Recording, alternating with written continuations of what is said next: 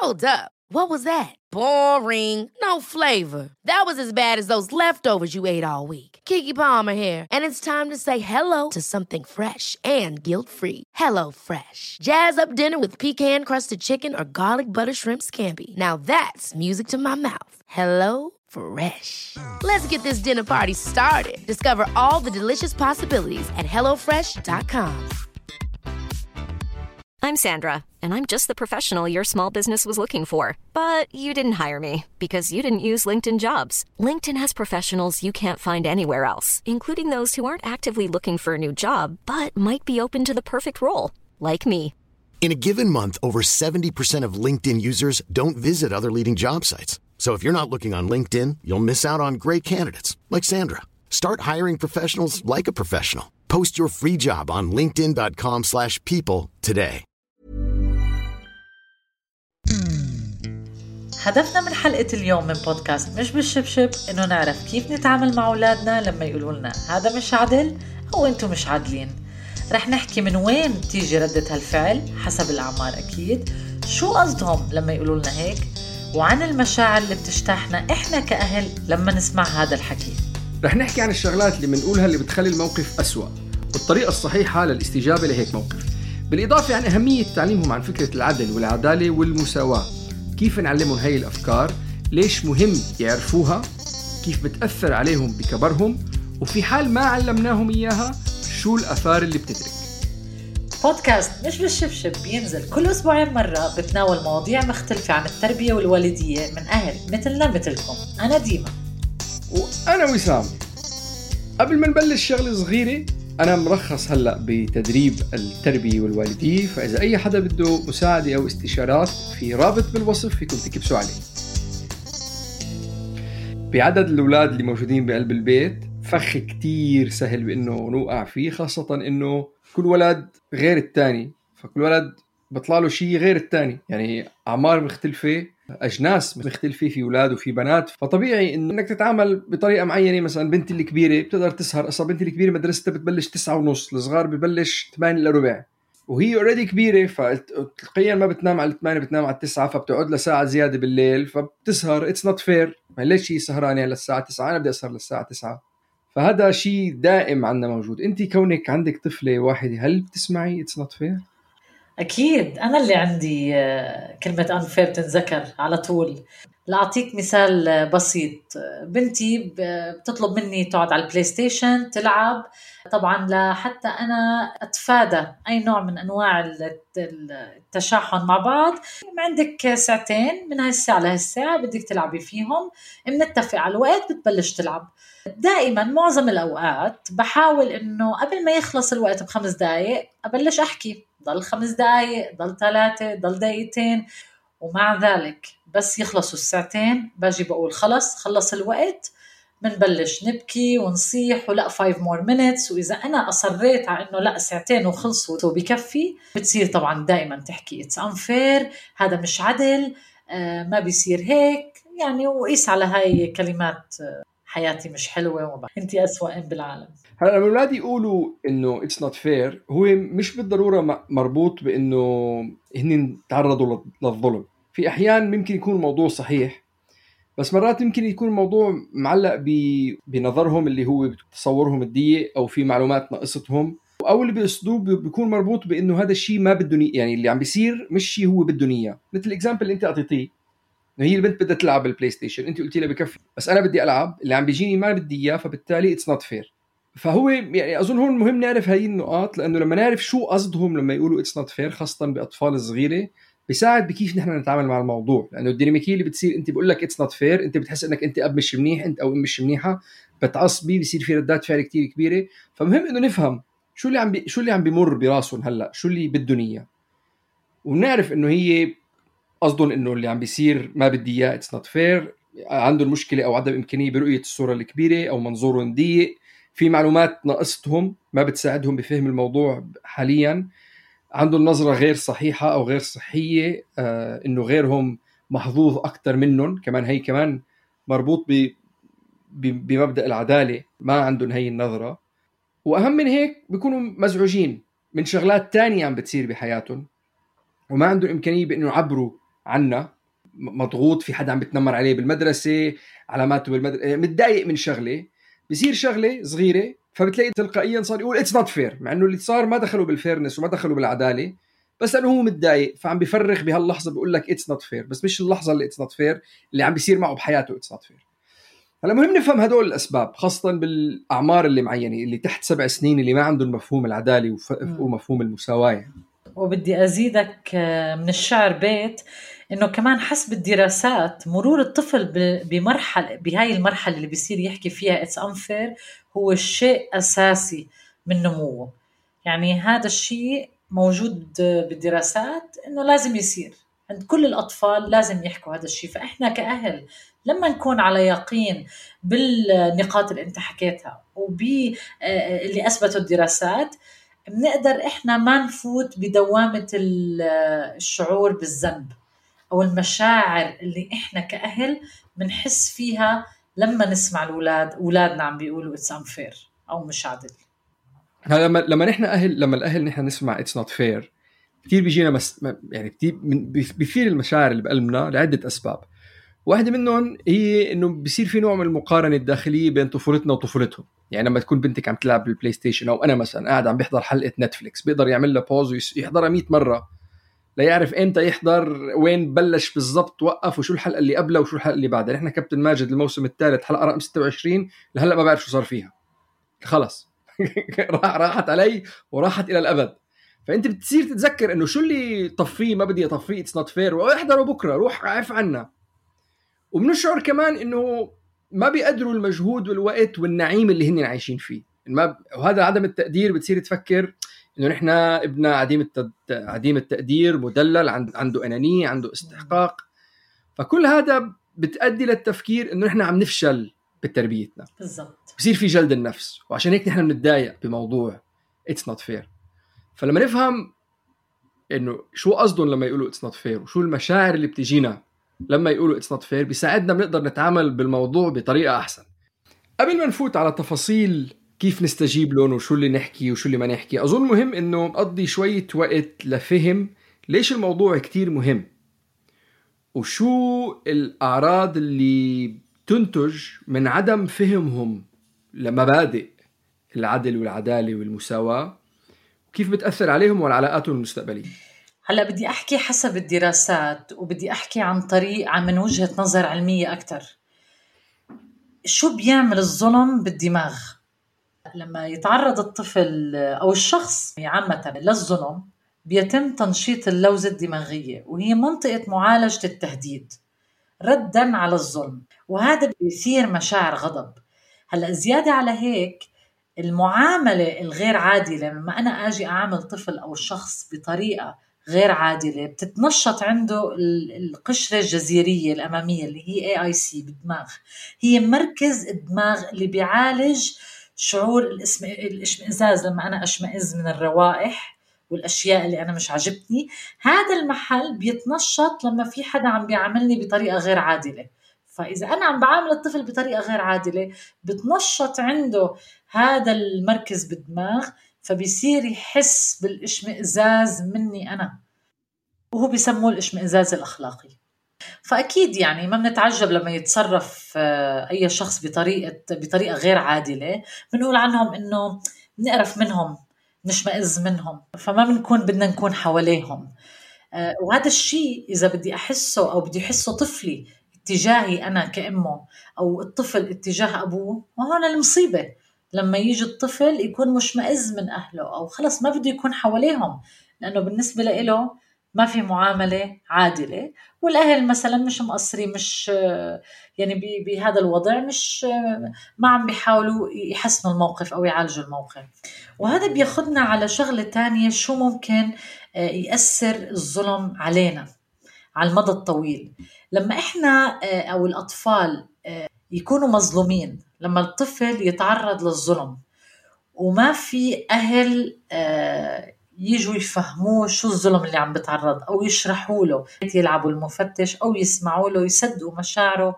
شوي شوي على المدى الطويل بصير عنده آه، قمع لهاي الاستجابة الفطرية. كيف هلأ أنت طفلك؟ دغري بيجي بيقول لك هذا الشغلة مش عادلة. فهذا ال ال ال رد الفعل الفطري اللي عنده إياه شوي شوي شوي شوي إذا أنت ما بتيجي وبتعالج هاي الأمور شوي شوي بيقل هيك بيجي على كبر بصير عندك رجل أو امرأة آه، ما عندها قمعت استجابتها الفطرية أو استجابته الفطرية للظلم فبصير يتحمل السلوك السيء تبع الأشخاص التانيين. يعني بصير عايش وهو متحمل الظلم اللي عم بيوقع عليه كان مثلا من زوج أو زوجة أو أهل أو أصدقاء أو مدير في الشغل. خلص هو بالنسبة له هاي حياته متعود على الظلم. آه، واوريدي قمع الاستجابة الفطرية اللي موجودة بدماغه فالدماغ تبعه بطل يرسل رسائل إنه أنت عم تتعرض للقمع. فبصير هذا الشخص عايش بحياة مرضية مستمرة وغير مبررة. بصير عنده ألم مزمن بتحسه عنده ألم كسل تعب نفسي آه، مش مبسوط.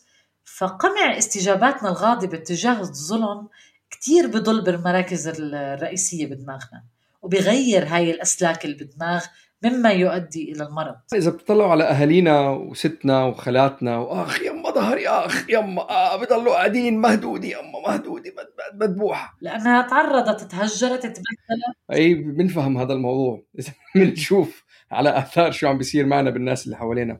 هلأ بدنا نحكي عن الشغلات اللي ما المفروض نقولها لما أولادنا يقولوا لنا هذا مش عدل. فبدنا نعرف شو هي الشغلات اللي مش المفروض نقولها أو الشغلات اللي رح تأثر بشكل سلبي على الموضوع. نتيجة مشاعرنا السلبية. أول شيء ما لازم نقول لهم إنه بكفي تنقوا أو استعملوا المنطق أو الحياة أصلا مش عادلة أو خلص بدك تتأقلم بدك تتأقلم مع الحياة. هو بهاي الحالة جاي عم بيقول لك لأنه مش فاهم مش مستوعب مش مستوعب الموقف اللي هو فيه وبده حدا يساعده محتاجك انت تساعده. وإذا قلت لهم هدول الشغلات ما بنكون إحنا عم نساعد. والشغلة الثانية اللي مش المفروض نعملها إنه ما نستجيب للموقف وما نحاول نساعد بإنه نخلي الموقف عادل. في على سبيل المثال إذا أنا هلأ رحت عند محل بوظه وأنا واخذت بنتي وصحبه بنتي وإجا تبع البوزة حط طابة هون وطابة هون. طابة بنتي أصغر من طابة صاحبتها. رح تيجي بنتي تصير تقول لي it's unfair مش عدل طابتي أصغر. أكيد أنا مش رح آجي أقول له لو سمحت ظبط هاي الطابة قد هاي لأنه مستحيل ترجع تزبط. لأنه رح تطلع بالآخر طابتها أكبر من طابة البنت. تيجي البنت تقول لي it's unfair طب أنا زد لي مثل ما زدت له زد لي. لا بس هو زاد له لأنه هو أكبر. إيه بس هلأ أنت زدت له هو صار تبعه أكبر. ما طب okay زد له للثاني زاد الثاني طب استنى أنا كمان حط لي. طب okay you know what ما راح أحط له حط له sprinkles حطيت له sprinkles طب طب ما أنا بعرف. ما هي المواقف بتصير معي. فأنت فهي النقطة إنك ما تحاول تستجيب وتخلي الموضوع عدل. في شغلات نقدر نعملها صحيحة جاي. وكمان قلت ما تقول له آه، استعمل منطقك آه، الحياة مش عادلة. آه، يعني ما تقول له هيك وما تحاول تخليه عدل. وما تحاول تقنعه ليش الموضوع عدل؟ سبيسيفيكلي لأنه لما الولد يجي يقول لك إنه هو مش عادل الموضوع هو منثار ذهنيا متضايق مزعوج. فمش ما عنده إمكانية بإنه يستقبل أي نوع من المنطق. وكمان ما تحكي له بنفس اللحظة عن مبدأ أيوة. العدل والمساواة وإنه الحياة مش عادلة وإنه في ناس كل واحد له رزقته ونصيبه بالدنيا وإنه ما فيك تشرح له إياهم. فهدول الشغلات ما بتساعد الموقف. فما تعملوهم ما تقولوا له حاجة نق ما تقول له استعمل المنطق ما تقول له الحياة مش عادلة ما تقول له تصرف تأقلم ما تقول له إنه إيه. ما, ما خلص. ما رح يستوعب. هدول ما رح يساعدوا. ما تحاول تخلي الموضوع آه، عادل إنك تتدخل. هلأ في شغلات نقدر نعملهم؟ بيساعدوا. أول نقطة وبشكل عام وامتى آه، ما حكوا آه، إنه هذا الشيء مش عدل أو it's unfair إنه إحنا لازم نأكد لهم إنه إن إحنا حاسين بمضايقتهم حاسين معهم. آه، يعني to validate آه، نصدق اللي عم بيحكوه لما شعورهم يتصدقوا وهذا كتير شيء مهم. بحسوا إنه هم مسموعين بحسوا إنه أنا أهلي متعاطفين معي قادرين يحسوا معي. وهذا بيساعدهم إنه يقدروا يتخطوا الشعور المضايقة أو الغضب اللي بيكونوا حاسينه بهذا الوقت أو الانفيرنس اللي حاسينه بهذاك الوقت. كل ما بتسمع له كل ما بتصدق شعوره كل ما بتقول له أنا بعرف شعورك بتفهمه كل ما بيساعده على تقبله والتعامل معه. كل ما هو حدا يطمسه يطفصه يكذب الشعور يقول لا أنت مش هيك كل ما هذا بيعصلج الموضوع. واحد من الطرق اللي بنقدر كمان نساعدهم بالتفريغ إنه نحن نلعب دور المفتش. ونسألهم أسئلة نتوقع منهم أجوبة مش منطقية أكيد خاصة على الأعمار. بس خليهم يفرغوا. يعني خليه يطلع. it's not fair لأنه أنا إجيت لأنه هو راح إجا بعدين لما هو اجى ركب على البسكليت بعدين أنا وقعت نزل طلع. إيه okay يا listen خليه يفرغ خليه يفرغ. وما تنطوا وتعطوا معلومات لأنه هذا بيأثر بالمدى البعيد بأنه الأولاد يشاركوا معلومات ومشاعر. إذا كل مرة أنا بدي آجي أجيب معلومات ومشاعر لعند أهلي ويجوا أهلي يحاولوا يساعدوني بيصير يقول لك لا يو هو ما عم بتسمع لي. أنا بدي حدا يتسمع لي وهذا الأهل هلأ بهاللحظة ما عم بتسمع لي فأنا أحسن إني ما أشارك آه مشاعري معهم. فحاولوا إنه تخلوهم يحكوا من غير ما تحكموا عليهم ومع الوقت أساس المشكلة ببين. يعني لما تلعب دور المفتش وتضلك تسأل أسئلة وتضلك تنبش رح يوصل لأساس الشعور اللي هو عنده إياه اللي عم بيخليه يفكر بهالطريقة. وصايرة معي كتير بين بالذات الاثنين اللي بالنص الولد والبنت اللي بالنص اللي أعمارهم قريب على بعض. الكبير كبيره تين ايجر الصغير صغير بعده بينام جنبنا بالتخت فالاثنين اللي بالنص أعمارهم قريب على بعض. عندك 9 و11 داب بداب بعض. انثى واحد ذكر. اثنيناتهم أجسامهم قريبة على بعض من حيث الحجم. البنات بيكبروا أكبر من الأولاد فهي اوريدي بلشت توصل له. وشخصياتهم مختلفة. لأنه أنا الولد عندي هادي محب آه، بتعاطف كتير بيعبط ببوس آه، صوته واطي. البنت آه، ساسي كتير هالو everybody أنا فتت على الاوضه فيعني فهو بحس إن هي عم تأكل من وجوده وكيانه لما يكون موجود. ففي مضاربة كتير من بعض من بين بعضهم. وتلقائيا أظن نحن كأهل يعني نتعامل دائما مع حدا حسب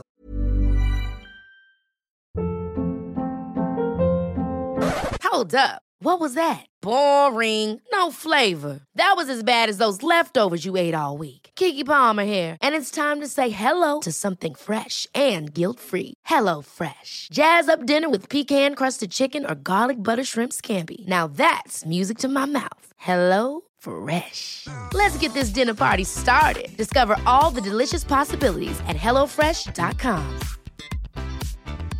Cool fact a crocodile can't stick out its tongue. Also, you can get health insurance for a month or just under a year in some states. United Healthcare short term insurance plans, underwritten by Golden Rule Insurance Company, offer flexible, budget friendly coverage for you. Learn more at uh1.com. شخصيته أكثر ما في قانون واحد مقسم على الكل يعني في ناس بتحاول تبنيهم تشجعهم تنشطهم الثاني مثلا بنتي أنا ما بحاول والله أقول لها احكي قدام الناس أو شيء خلاص ما هي من غير شيء بدها تقول لها اسكتي طوشتين عرفتي فبتصير دائما هي موجودة ديناميكية موجودة ومنطقية بقلب البيت بس بتصير إنه الولد باخده بطلع معه مشوار أنا وياه لحالنا بتصير. بحس إنه هو ما في راس براس الون تايم بقول له تعال نتمشى ننزل لتحت على البحيره أو اللي هو. فبتلاقي إنه هي بدها تيجي. خلص بدي أروح أنا وياه من هالوقت لإله. فبتصير قصة it's not fair it's not fair it's not fair وبصير موضوع التفريغ وعادة مع امها إنه طب ليش هيك بتشعري؟ ليش هيك بتحسي؟ ليش هيك بتعمل؟ فبتوصل لل core of the matter هو الموضوع مش إنه أنا بدي أنزل معك على البحيرة أو أنا مش بدي إياك تاخذني نشتري بوظه أنا وياك هو الموضوع أنا بحس إنك بتحب أخوي أكثر مني. فأهمية لعب دور المفتش بيساعدك إنك توصل للب الموضوع ولما نوصل للب الموضوع إنه هي بتحس إنه أنا بحب أخوها أكثر منها هون بصير الدور إني أنا أعالج هذا الموضوع بإني أنا أقضي وقت راس براس معاكي أنا أعطيكي الاهتمام اللي بدك إياه أنا أخليكي تحكي بالوقت اللي أنت بدك تحكي تحكي فيه ولا ما شابه. فالشعور بيروح فلما الشعور يروح فكرة it's not fair شوي شوي بتلاقيها قلت ببطل إنه قاعد عم بدور أنا أخوي شو طلع له عشان أنا أأكد شعوري اللي موجود. أنا قريت ب blog عن موضوع ال unfairness بين الإخوة. قريت شغلة بيقول إنه بالعكس لما يكون الاتهام بالظلم للأهل خصوصا لما يتعلق الموضوع بالأشقاء يعني بالإخوة آه، قريت إنه لا لازم إنه إحنا نعالج الموضوع بوقتها آه، لأنه شعور الظلم بين الإخوة بيولد تنافس بيناتهم. إذا ما حلينا الموضوع أو ما عالجناه أو تطرقنا له بساعتها. وهذا الصراحة موجود يعني أنا بشوفه بحياتي دايما. إحنا عم نكبر بالعيلة في تنافس بين الأشقاء وصار معي أكيد. وهذا التنافس بضل مدى الحياة. آه، نتيجة بسموه للظلم الأبوي. للظلم آه، الأهل لل بين الإخوة. اللي ما بيتم معالجته بغض النظر سواء كان ظلم حقيقي أو متصورينه الأطفال. يعني أنا هاي قريتها بمحل فهون شو بنعمل إحنا؟ يعني هل أنا أروح مع فكرة إنه ما أعالج هلأ الموضوع ولا لما يجي الموضوع يمس الإخوة وظلم الإخوة لا أنا أسارع بمعالجته. لأنه بصراحة أنا بقدر أجي أقول لك إني أنا لهلأ بتذكر كثير من الأشياء أو بتذكر شعور إنه أهلي أو أمي مثلا بتحب أخوي أكثر مني. يمكن بس عشان أشياء معينة صارت وما انحلت بلحظتها. فما كان في هذا الترابط الأخوي بهداك العمر بالطفولة أكيد يعني صار لقدام. بس ومش بس علي أنا شفته كمان مع آه، أولاد الخال أولاد العم. كان في تباعد بين الأخوة بسبب هذا الظلم الأبوي اللي بالنسبة للأطفال كان حقيقي أو تخيلوه.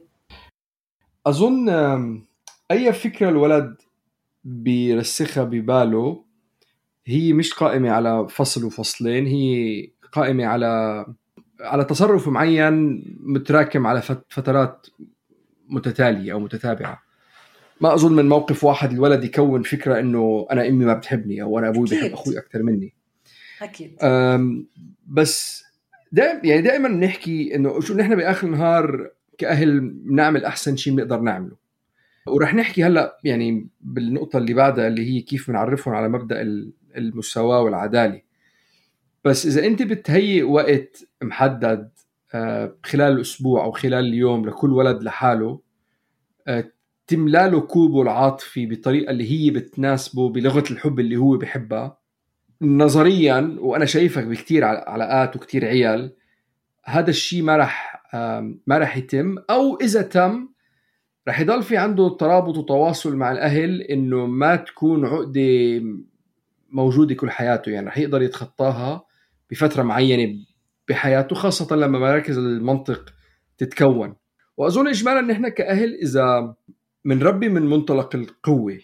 بنذكرهم بالشغلات اللي هن شاطرين فيها مش آه ناس بتنتقد أو بتقارن. يعني ما في لوم ما في عتب. في وقت عم بتقضى مع كل وقت مع كل ولد بصيغة معينة. يعني أنا بنتي الكبيرة بروح بحضر معها فيلم بالسينما أو بروح باكل يو know, معها بوظه بمحل بس ابني الصغير باخده على البارك. ما مختلفين. بآخر النهار هذا موجود. بس إذا دائما في أفضلية لشخص واحد ومقارنة بشخص واحد أظن هون المشكلة الأكبر. يعني هون اللي بيطلع ال... هون المشكلة اللي بتطلع. وليش انت قلتي انه إنه ما ما تحاول تحل مشكله العدالة هلأ كهلأ؟ لأنه هي ما أظن رح تنبت بأرضها. اللي هو رح يصير إنه رح آه رح رح انه إنه هلأ أنا مفعل مش مركز مش شايف قدامي مضغوط stressed out إنك تيجي تحكيني بفكرة شوي كبير مداها وإلى كثير أبعاد هلأ is useless ما تحاولوا تشرحوا لهم هلأ ليش هذا الموضوع يعتبر عادل. إنه I think it's useless I think مرق الموجة نحن حكينا مثل ما أنت قلتي إنه بعد ساعة بنوقف مرقت ساعة خلاص طفي ال PlayStation قومي نامي وقت النوم وقت الدراسة وقت ال homework وقت اللي هو. أفكار العدالة وأفكار المساواة شوي شوي بنقدمهم بإطار العلاقة المتينة اللي موجودة بينك وبينه أو بين أولادك كلهم وبينك وبينهم بتشكل هاي الفكرة. وثالث نقطة من الإشياء اللي فينا نعملها لتساعد لتساعدنا كيف نتعامل مع الموقف لما يجي الطفل يقول هذا مش عدل إنه نقدم لهم أو نعلمهم على فكرة إنه الحياة مش دائما بتمشي حسب ما إحنا مخططين لها. يمكن هذا الوقت المناسب بيكون إنه نعطيهم القصيدة تبع تجري الرياح بما لا تشتهي السفن. بس لازم نعطيها بطريقة مرتبة منظمة آه، آه، نفهمهم إنه كيف إحنا ممكن نخطط بس الأشياء ما بتمشي دائما حسب التخطيط. ونتضايق ممكن نزعل بس بدنا نتقبل فكرة إنه مش دائما بتمشي حسب ما هي آه، مخطط لها. ومن الأمثلة اللي بنقدر نعطيهم إياها ولا شك من حياتنا اليومية وأمثال بسيطة جدا إنه طيارة راحت علينا بمشوار ولا كنا بدنا ناخذ مشوار محل باص تاكسي اجى التاكسي خربت السيارة بنشر الدولاب تاخرنا على يعني بتصير هدول بالحياة دائما. لما نيجي نتكل عليهم لهدول القصص ونذكرهم فيهم بنحط ببالهم فكرة إنه الحياة دائما ما بتمشي حسب المخطط. وبحس كمان إنه هي الفكرة إنه مهم مش بلحظتها لما الطفل يكون منثار معصب وقت النوم حط راسه على راسك قاعدين عم تلعبوا طلعتوا مشوار انت وياه.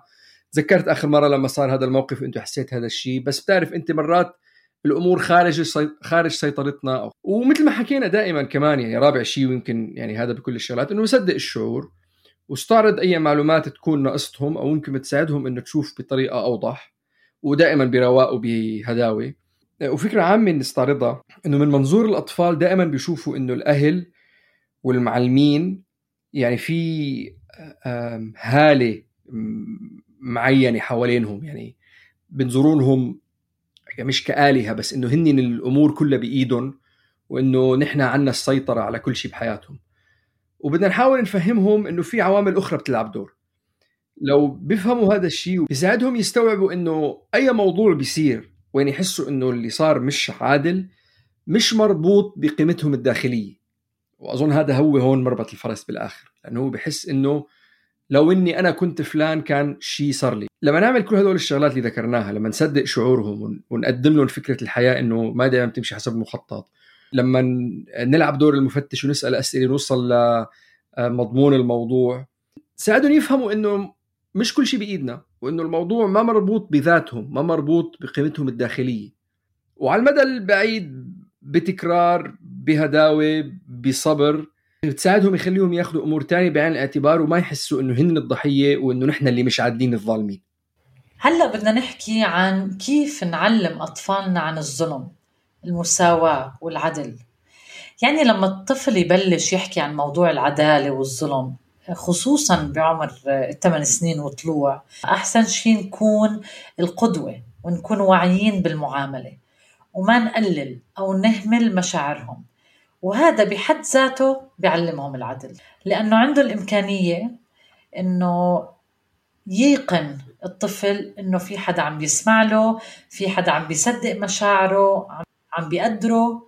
فهذا لحاله زي ما حكيت بيعلمهم العدل. العدالة هو إنه كل واحد بياخد نفس الشيء والمساواة إنه كل واحد بياخد حسب إمكانياته وظروفه. وهذا إجمالا ما بيتعلم للطفل قبل سن سبع أو ثمان سنين. بس أحسن مثل هو مثل البسكليتات نحن عنا هذا مثل شغال عنا بالبيت لدرجة زهقوا الأولاد منه صار لازم أفكر بواحد تاني. بس نحن عنا ست بسكليتات محطوطين واحد كبير واحد أصغر واحد أصغر واحد أصغر واحد أصغر واحد أصغر. فبيجي بيقول لك إنه it's not fair بقول لك لا ما أنت هو مش موضوع مش fairness موضوع موضوع equity موضوع موضوع مساواه. تعال شوف أنت فيك تركب على بسكليتي؟ لا ما فيني. ليش؟ لأنك صغير. فبالتالي أنا بعطيك حسب إمكانياتك.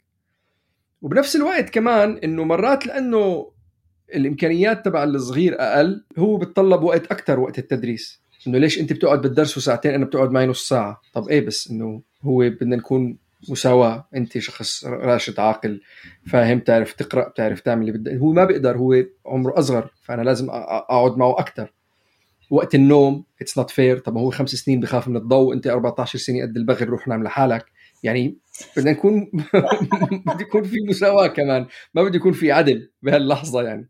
كل هذا اللي هلأ حكيناه كيف نتعامل مع الموقف شو نحكي وشو ما نحكي كل هاي الأشياء بتعلم الأطفال شو هو العدل شو هو المساواة وشو هو الظلم. وكل هذا بصب بتوعيتهم وتعليمهم شو يعملوا كيف يتصرفوا لما يتعرضوا للظلم عشان يفرقوا بين الظلم الحقيقي واللي هم كانوا يفكروه ظلم.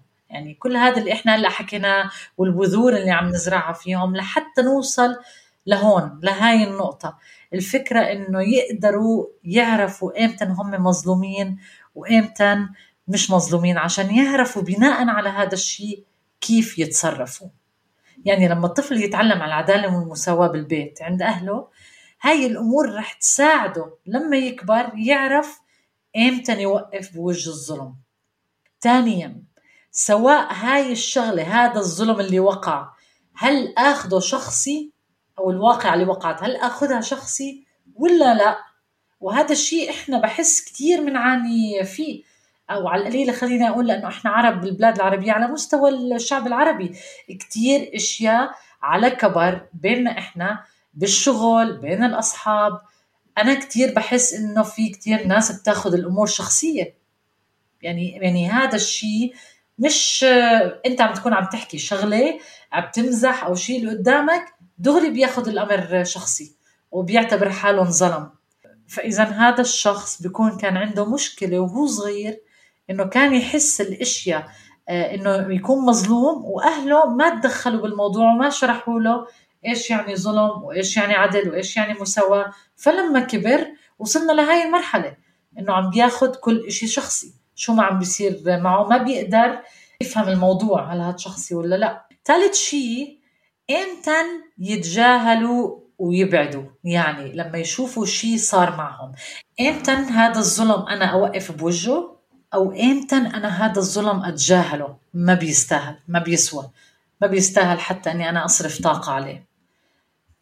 رابعا يخليهم على كبر لما يكبروا حتى وهم عم بيكبروا بطفولتهم لما إحنا كأهل نتناول هاي المواضيع ونحكي فيها من عمر 8 سنين وطالع يتعاطفوا مع غيرهم يحطوا حالهم بمحل غيرهم يعني يعرفوا إمتى يحطوا حالهم بمحل غيرهم. التعامل مع آه، شكوى الطفل إنه شيء مش عادل. أمر كتير حيوي لنمو العاطفي الصحي. وجزء مهم بمبدأ التعاطف. لما نفهم شو الآخرين شو الناس التانية بدهم إياها شو الشغلات اللي ما بدهم إياها بنعرف نستوعب وندرك اختلافاتنا اللي موجودة ونفكر شوي أبعد من نفسنا. بس هلأ إذا نحن ما ما تطرقنا لموضوع العدل والعداله ومبدأ it's unfair ودائما طمسناه وقلنا له life is not fair والحياة غير عادلة من غير ما نشرح. هو طريقة كتير كتير شائعة إنه نفسد العلاقة اللي بيننا وبين أولادنا. وبيكونوا هون بموقف إنه يمكن يقدروا يكونوا بالمستقبل متذمرين أو حسودين ودائما عم بيشوف غيره وما عم بيشوف حاله. يعني إذا نحن ما التفتنا لموضوع العدالة بنكون هون بخطر إنه أولادنا يطلعوا متذمرين حسودين بيقارنوا حالهم بينهم وبين غيرهم ما عندهم إمكانية العطف. فأهمية التفاتنا لهذا الموضوع وأخذه بعين الاعتبار والرد عليه بالطريقة المناسبة بالسن المناسب بيساعد بالمستقبل. لأنه آه، الأطفال اللي عندهم غضب وعندهم عصبية وعندهم قصر بال أحد الشغلات هي مربوطة بفكرة الظلم الغير معلن. وبيبلش من مرحلة الطفولة. الوعي دائم بسلوكنا وبأفعالنا هو المفتاح لنحن نكون آباء مناح جيدين بما فيه الكفاية. ما في مثالية بس جيدين بما فيه الكفاية. وما نقلل من أهمية تجارب ومشاعر أولادنا ونقدر نتسمع عليهم ونعترف بمشاعرهم ونتعامل معهم بطريقة محبة وحنونة. شكرا كثير لاستماعكم. ونرجو أنه تكون هاي الحلقة خفيفة ظريفة عليكم واستمتعتوا فيها. فيكم تتسمعوا علينا على جميع منصات البودكاست وتتابعونا على جميع منصات شبكات التواصل الاجتماعي تحت اسم آت مش بالشبشب.